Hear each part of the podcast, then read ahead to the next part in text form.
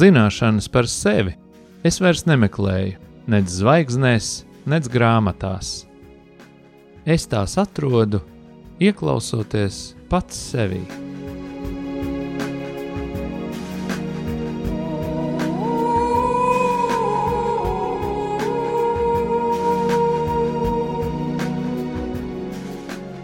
Raidījums Mīlestības terapija top mīlestības mājai, sadarbojoties ar profesionālo pastorālās konsultēšanas asociāciju. Sarunas par sevi, dzīvi, psiholoģiju un dvēseles terapiju.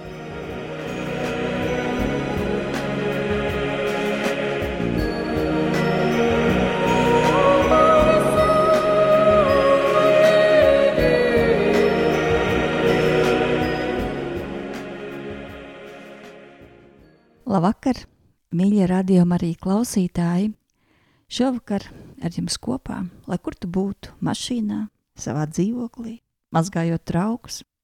Raidījums mīlestības terapija ar sarunām par dzīvi, par attiecībām, par audzināšanu, par mīlestību. Un šovakar mēs kopā ar mūsu sākuma skolas skolotāju Agatu Skurbu risināsim sarunu par audzināšanu un šovakar par iniciatīvas audzināšanu. Iesākšu varbūt ar kādu gadījumu, kā ierasts no prakses. Mūsu bērngārzā atnāca kāds puisīts, kurš bija cietis no nepārāk labas pieredzes iepriekšējā bērngārzā adaptējoties. Viņš jau bija pārtraucis tur tās bērngārza gaitas, jo tas bija kļuvis ļoti traumējoši visai ģimenei. Un tad caur šo traumu viņi nonāca pie mums, mīlestības mājā. Un varēja redzēt, ka šim puisēnam ir kaut kas ļoti apslāpējies no tās dabiskās, bērnišķīgās, impulsīvās dabas. Viņš pārāk tāds pareizs izskatījās. Viņš zināja visu, ko kā ir jādara. Viņš arī bija ļoti paklausīgs, ļoti ērts bērns. Bet tad, kad mēs viņu aicinājām pagalmā būvēt kopā ar citiem bērniem, bērni pie mums izmanto lielas mašīnu riepas un kokus un, un segas, un, un paši var ar naglām sanaglot trepes, tiešām mēs ļoti cenšamies sekot līdzi viņa šai iniciatīvai un palīdzēt viņiem tajā pieaugt un īstenot viņu idejas, tad šis puisīts vienkārši stāvēja, bija ļoti apmulsis ar tādu jautājumu, es nesaprotu, ko es varētu šeit radīt. Kad mēs viņam aicinājām, paņem kaut ko uzbūvēt, to, ko tev gribās. Viņš atbildēja, es nesaprotu, ko es varētu šeit radīt. Bet mēs, protams, nepadodamies, mēs turpinām dažādi stimulēt, un ietekmēt un iedrošināt un viņu tomēr doties šajā radošajā procesā. Pirmais, ko viņš uzbūvēja, bija tāds rāmis, un iekšā bija viens zieds, noplūkts pagalmā. Rāmis, kurā ir viens zieds. Protams, mēs ļoti priecājamies par šo viņa bildi, jo tā bija viena no pirmajām, kas tapa, bet no otras puses tāda vientulība skaudra, tur tāda vēsma, tāda sirds sāpe, kaut kā tāda sajūta, ka varbūt tas cilvēks ir kaut kur aplaupīts. Kāpēc ir vajadzīgs tāds rāmis? Bet, ja jūs satiktu šo puisēnu tagad, jo tas bija vairākus gadus atpakaļ, jūs ieraudzītu bērnu, kurš spēlē klavieres, kurš nepalaiž garām iespēju izdomāt kādu dzējoli, kurš ir ārkārtīgi mākslinieciski apdāvināts un atvērts kurš nebaidās īstenot savas idejas un ieceres un par tām informēt pieaugušos un palūgt palīdzību. Kas tad ir mainījies? Kas ir noticis? Šī brīvā spēle, šī brīvā būvēšanas spēle, kurā tu drīkst būt tas, kas tu esi, ir atmodinājusi viņā šo satikšanos pašam ar sevi.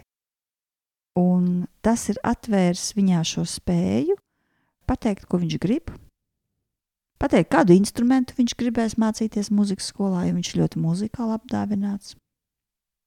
Viņš ir izteikti intelektuāls cilvēks, pēc jau no bērnības tādu ārkārtīgi inteliģences izjūtu un arī tādu smalkjūtību, smalku komunikācijas prasmi.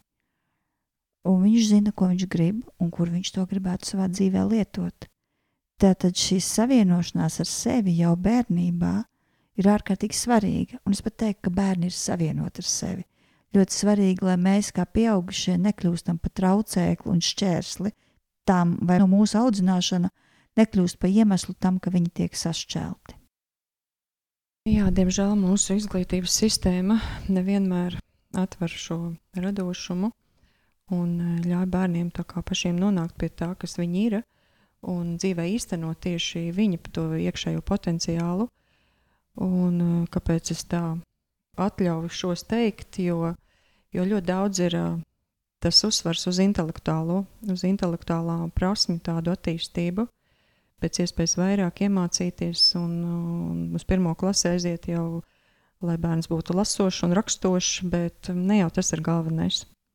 Lai viņš ir brīvs, lai viņš ir radošs, lai viņš ir radoši spējīgs attīstīt un, un tiešām ar to savu iekšienu saslēgties. Un, un mēs mīlestības mājā, mīlestības pedagoģijā tieši to visvairāk uzsveram, kad jā, intelekts arī, bet vispirms lai viņam ir tāda brīva pieeja tieši pie saviem sirds resursiem.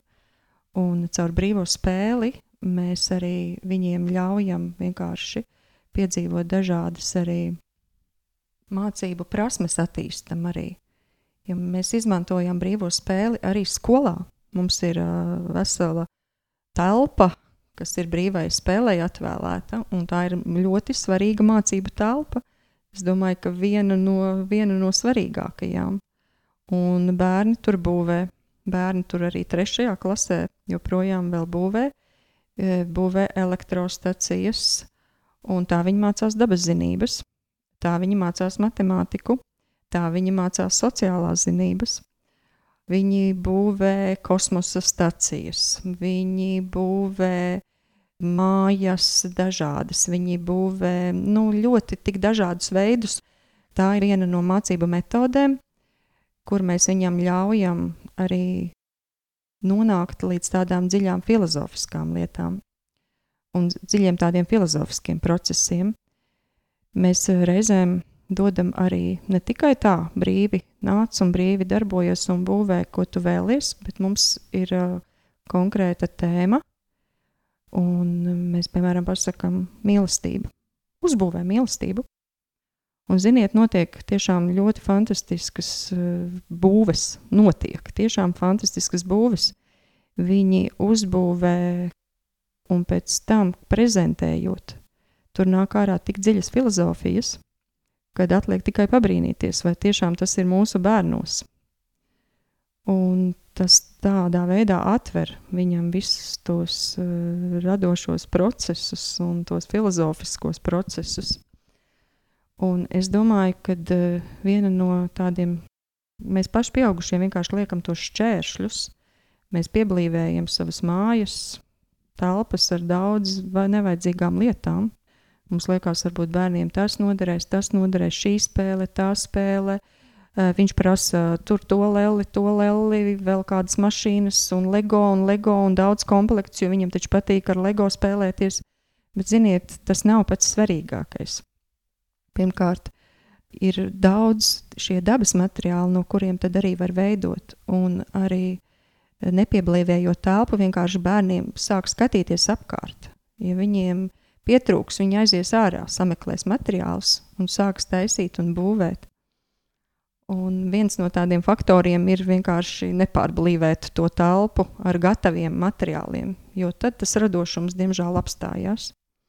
Un otrs, es domāju, kad atļaut bērniem garlaikoties.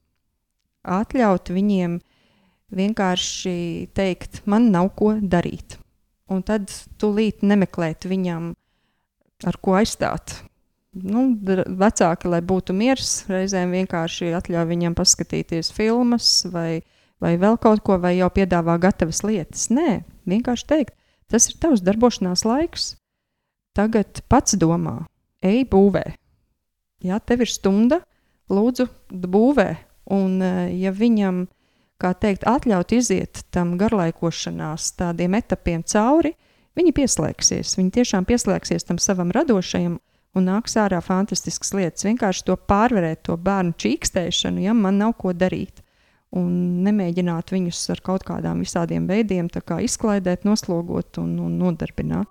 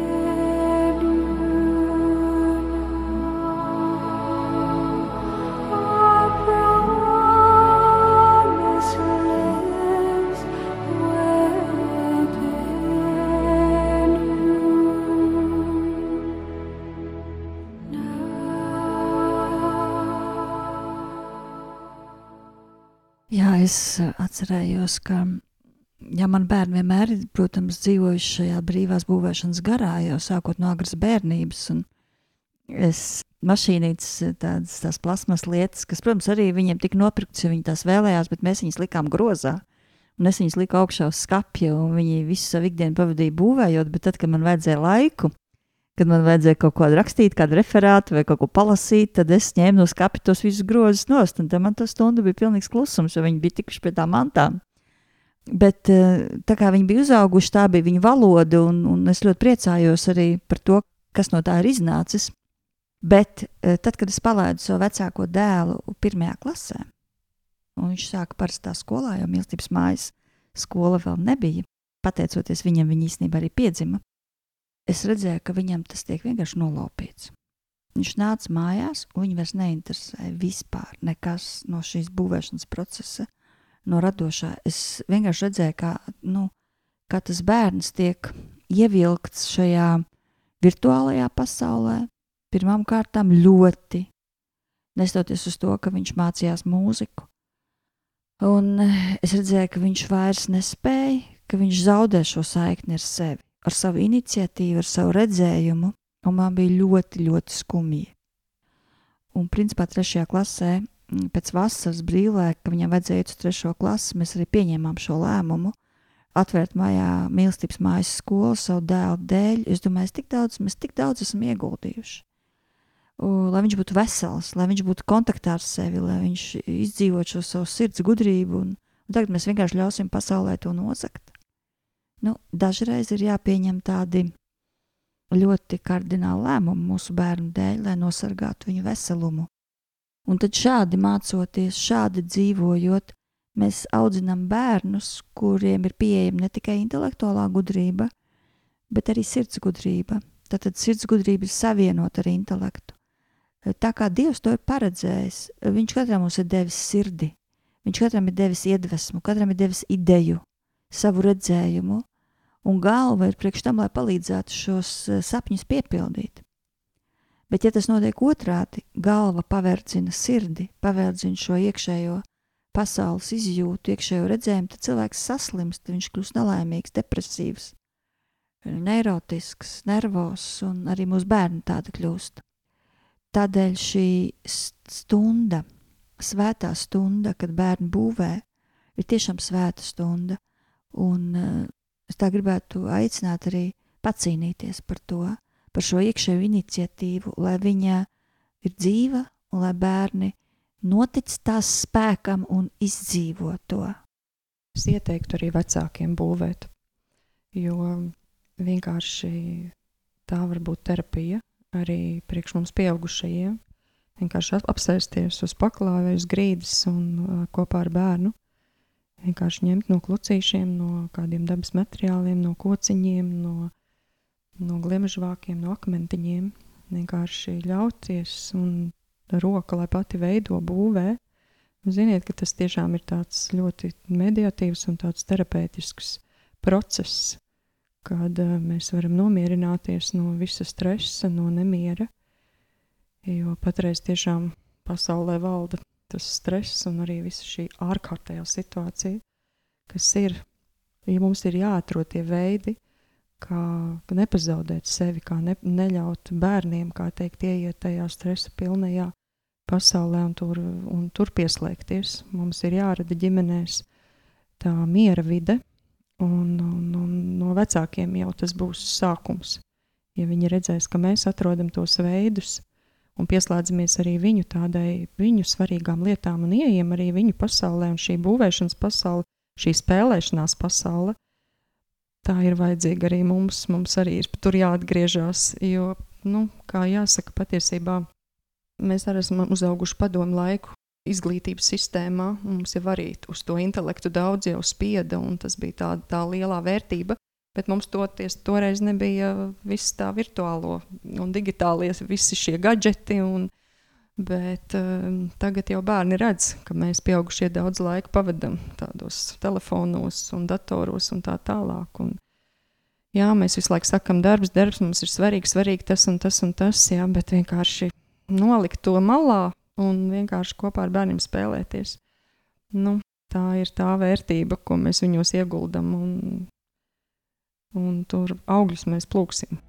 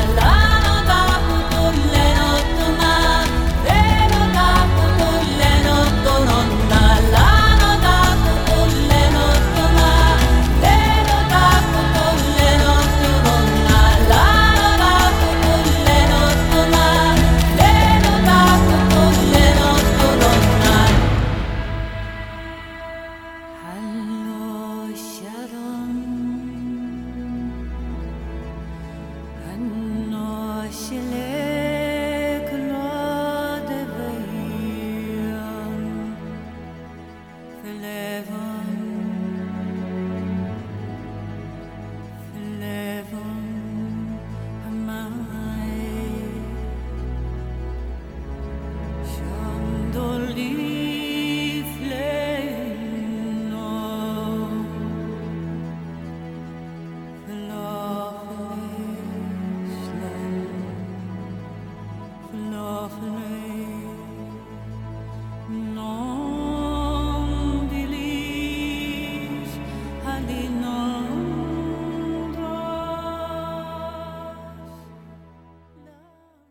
Mēs te runājam materiāli, materiāli, varbūt pietrūkst tādas informācijas, kas tad ir tie materiāli.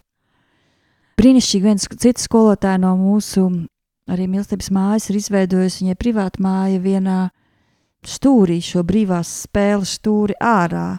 Nu, ārā tas var būt ļoti daudz, kas tie var būt liela materiāla, tās tiešām var būt vecās riepas un dažādi koki un bluķi un ķēdes un audumi un striķi, ar ko tur var nosiet un vecie palagi un dažādi materiāli, kurus varbūt mēs pat jau ieliekam savos šķūņos kā nederīgus, ir vērts izravidēt, ja viņi tad var ļoti noderēt arī bērnu būvniecībai un ķieģeļi un tādi varbūt noturīgāki, kas, kur var īstenot šo drošības funkciju. Bet nu, arī smagums nest puišiem, tā ir viņu vajadzība, un viņi to labprāt dara, un, un stiep pilni maisi ar kaut ko, Tas viss noder brīvajā spēlē un var tikt izmantots viņu radošai fantāzijai. Savukārt telpās arī, ja ir maza dzīvojamā platība, tad var vienkārši kaut vai brīvās spēles stūri izveidot, kur ir šie bluķīši, kur ir dažādi kociņi un koki, kur arī ir dažādi lakati un grozi un Nu, varbūt kaut kur ir kāds plauktiņš mazākām pērlītēm un dēlīšiem, uz kuriem var kaut ko tādu smalkāku radīt. Un, un labi, ka tas viss salikts tādos plauktos un grozos, ka bērns var brīvi doties pie šī materiāla, izpētīt, un, un šis uzdevums vienkārši būvē. Būvē kaut ko, kas ir tevī, ko tev gribās. To dažreiz ir svarīgi arī izturēt cauri bērna pretestībām, jo bērni teikt, viņi negrib, ka viņi nemāca, ka viņi nevar, ka viņi nezina, bet iet kopā ar bērniem šai pretestībai cauri dažādos veidos, arī agata stāstīt kaut vai pašam radot, tad jau kaut kur kaut kādā brīdī tur var nonākt, jo bērnos visos tas ir. Visos ir šī brīvā, radošā būvēšanas potenciāls, visos ir iniciatīva, un katram bērnam ir savs uzdevums. Un caur šo brīvo būvēšanu bērni trenējās īstenot savus dzīves uzdevumus. Un tā mēs audzinām iniciatīvas bagātus, stiprus bērnus, gan tie, kas ir līderi, tiem tas ir ļoti svarīgs. Pie viena brīvā spēle lieliski trenē sociālo meistarību, jo tur ir visu laiku jāsadarbojas. Gan arī šie jūtīgie bērni, kuri varbūt vairāk vieni kaut ko rada, bet arī viņi rada, un arī viņiem ir sevi uzdevumi. Un katram atrast sevi tādu, kāds es esmu, un tieši šo savu uzdevumu, tā ir brīnišķīga audzināšana, ja mēs to tā varam izvest. Tādā veidā mēs audzinām veselus, talantīgus bērnus un saglabājam to, ko Dievs katram ir ielicis un devis. Nu jā, reizēm var rasties jautājums, vai tiešām mana māja pārvērtīsies par celtniecības kādu tādu mūmateriālu veikalu. Ja, tur, tur dēļiem jābūt un dēļi, koki un viss kas. Bet, e, ja mēs tam piešķiram vērtību, un arī ir svarīgi, arī, ka katrai lietai šai atrodam tādu vietu un e, arī sakārtojam. Jo, ja ir tāds tā kā hauss, ja nav vietas katrai lietai, tad arī bērniem nerodās tas radošums. Ja ir sakārtota vide, tad arī viņi skatās un viņiem uzreiz tā kā rodās tā iniciatīva un vēlme kaut ko darīt. Viņā, protams, viņi uzreiz, kā teikt, pusstundas laikā pēc mūsu domām var izvandīt visu, ja, bet uh, tur viņa radošums ir ieslēdzies un viņi sataisa, bet vienmēr vajag um, ieviest tos skaidros noteikumus, kad uh, konkrētā laikā ir arī visas lietas jāsaliek pa vietām. Un katram lietām ir jāatrod sava vieta. Un tad atkal, vai tas ir vakars, vai, vai pēc katras spēles, vai pēc konkrētas stundas spēlēšanās, sakārtu. Nu, katrā ģimenē jābūt tiem saviem noteikumiem. Ir. Es domāju, brīvi viņi var būt ārā izpausties, kur viņiem ir tiešām tas savs atvēlētais laukums vai kāda vieta. Ja? Un tur savas būves viņi var nejaukt nost, varbūt pat nedēļām. Bet eh, tiešām vērtība piešķirt tiem akmentiņiem, kociņiem, un paletēm, ja, jo bērnu acīs tām ir vērtība. Bet, ja mēs pieaugušie tam nepiešķiram vērtību, Viņi ātri paņem to mūsu tādu noskaņojumu un attieksmi, un arī sāk, kā teikt, tieši tāpat izturēties pret šīm lietām. Šī brīvās būvēšanas spēle satur arī sevi milzīgu terapeitisko potenciālu, arī tādu diagnostisko, jo ļoti bieži bērni atspoguļo tieši šo savu sāpīgo sadaļu, jo viņi izspēlē, kā mēs sākumā runājam, no sevis kaut ko ārā. Un tad, pastoties uz šo nospiedumu, mēs varam eh, ļoti daudz ko ieraudzīt. Piemēram, kāds puisīts, eh, kad mēs lūdzām bērniem uzbūvēt arī šķēršļus, kas viņiem traucē lietot savus talantus, uztaisīja tādu rāmi, kur iekšā bija ļoti, ļoti daudz trubiņas. Un, kad mēs jautājām, ko priekš tās nozīmē šīs trubiņas, viņš atbildēja, tas manas daudzās bailes. Varbūt, ja mēs nebūtu spēlējuši šo brīvo spēli, viņam nekad nebūtu bijis iespēja nosaukt šīs lietas vārdā.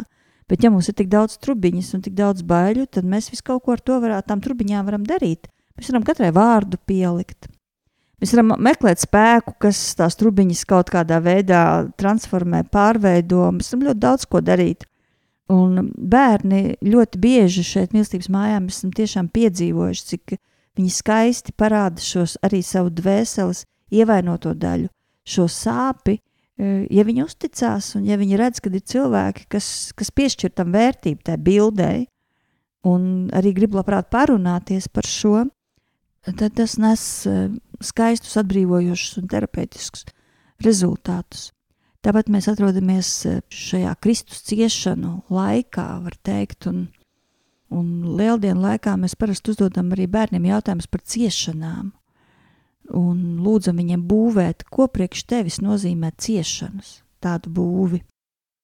Vienkārši filozofisks teikums, un, cik, un e, šobrīd attālināto mācību laikā mēs viņiem lūdzam kā, šos savus skaidrojumus par ciešanām, šo savu filozofiju blakus vai būvēi, iefilmēt video. Tie ļoti spēcīgi, spilgti video, kas pie mums atnāk, kā tu redzi ciešanas.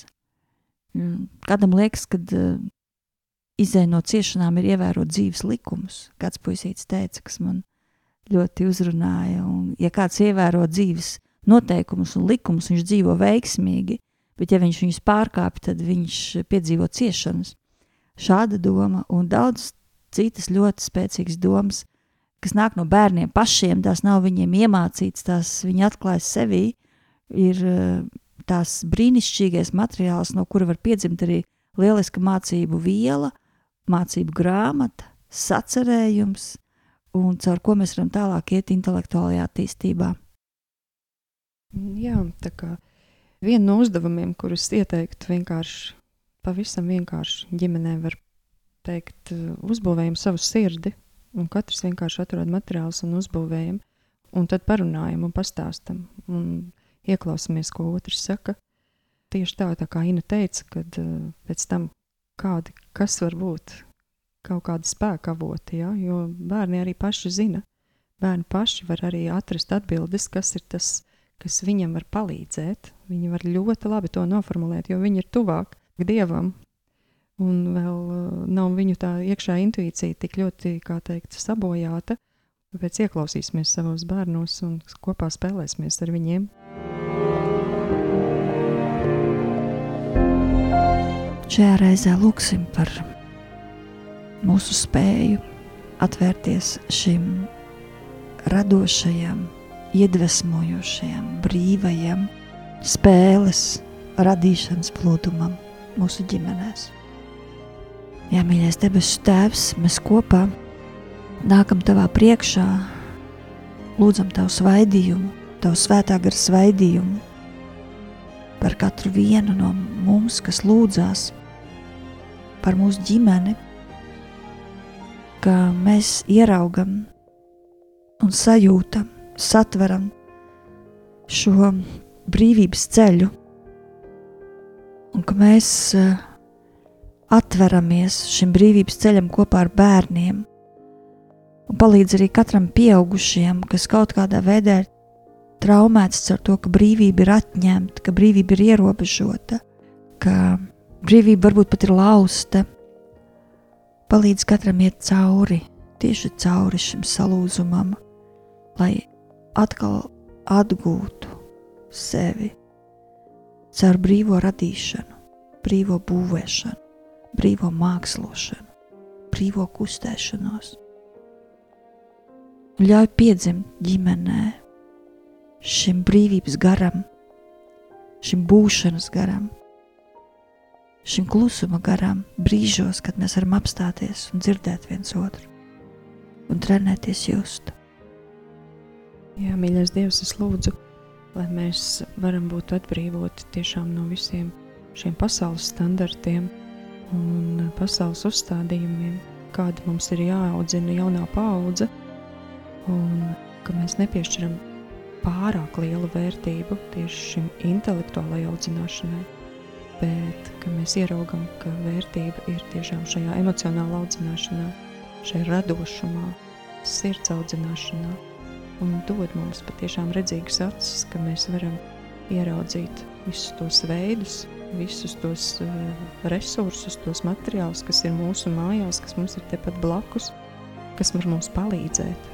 Bet tiešām tuvāk nokļūt savai sirdī un savam radošajam potenciālam nokļūt tajā vietā, kas esam mēs paši. Es ļoti lūdzu Dievs, ka Tu mums pieaugušos atbrīvo no, no visiem tiem nospiedumiem un uzslāņojumiem, ko šī pasaule mums ir uzspiedusi, un ļauj mums savienoties ar Tevi, Dieva gars. To visu mēs lūdzam Dieva Tēva, Dēla un Svētā gara vārdā. Āmen!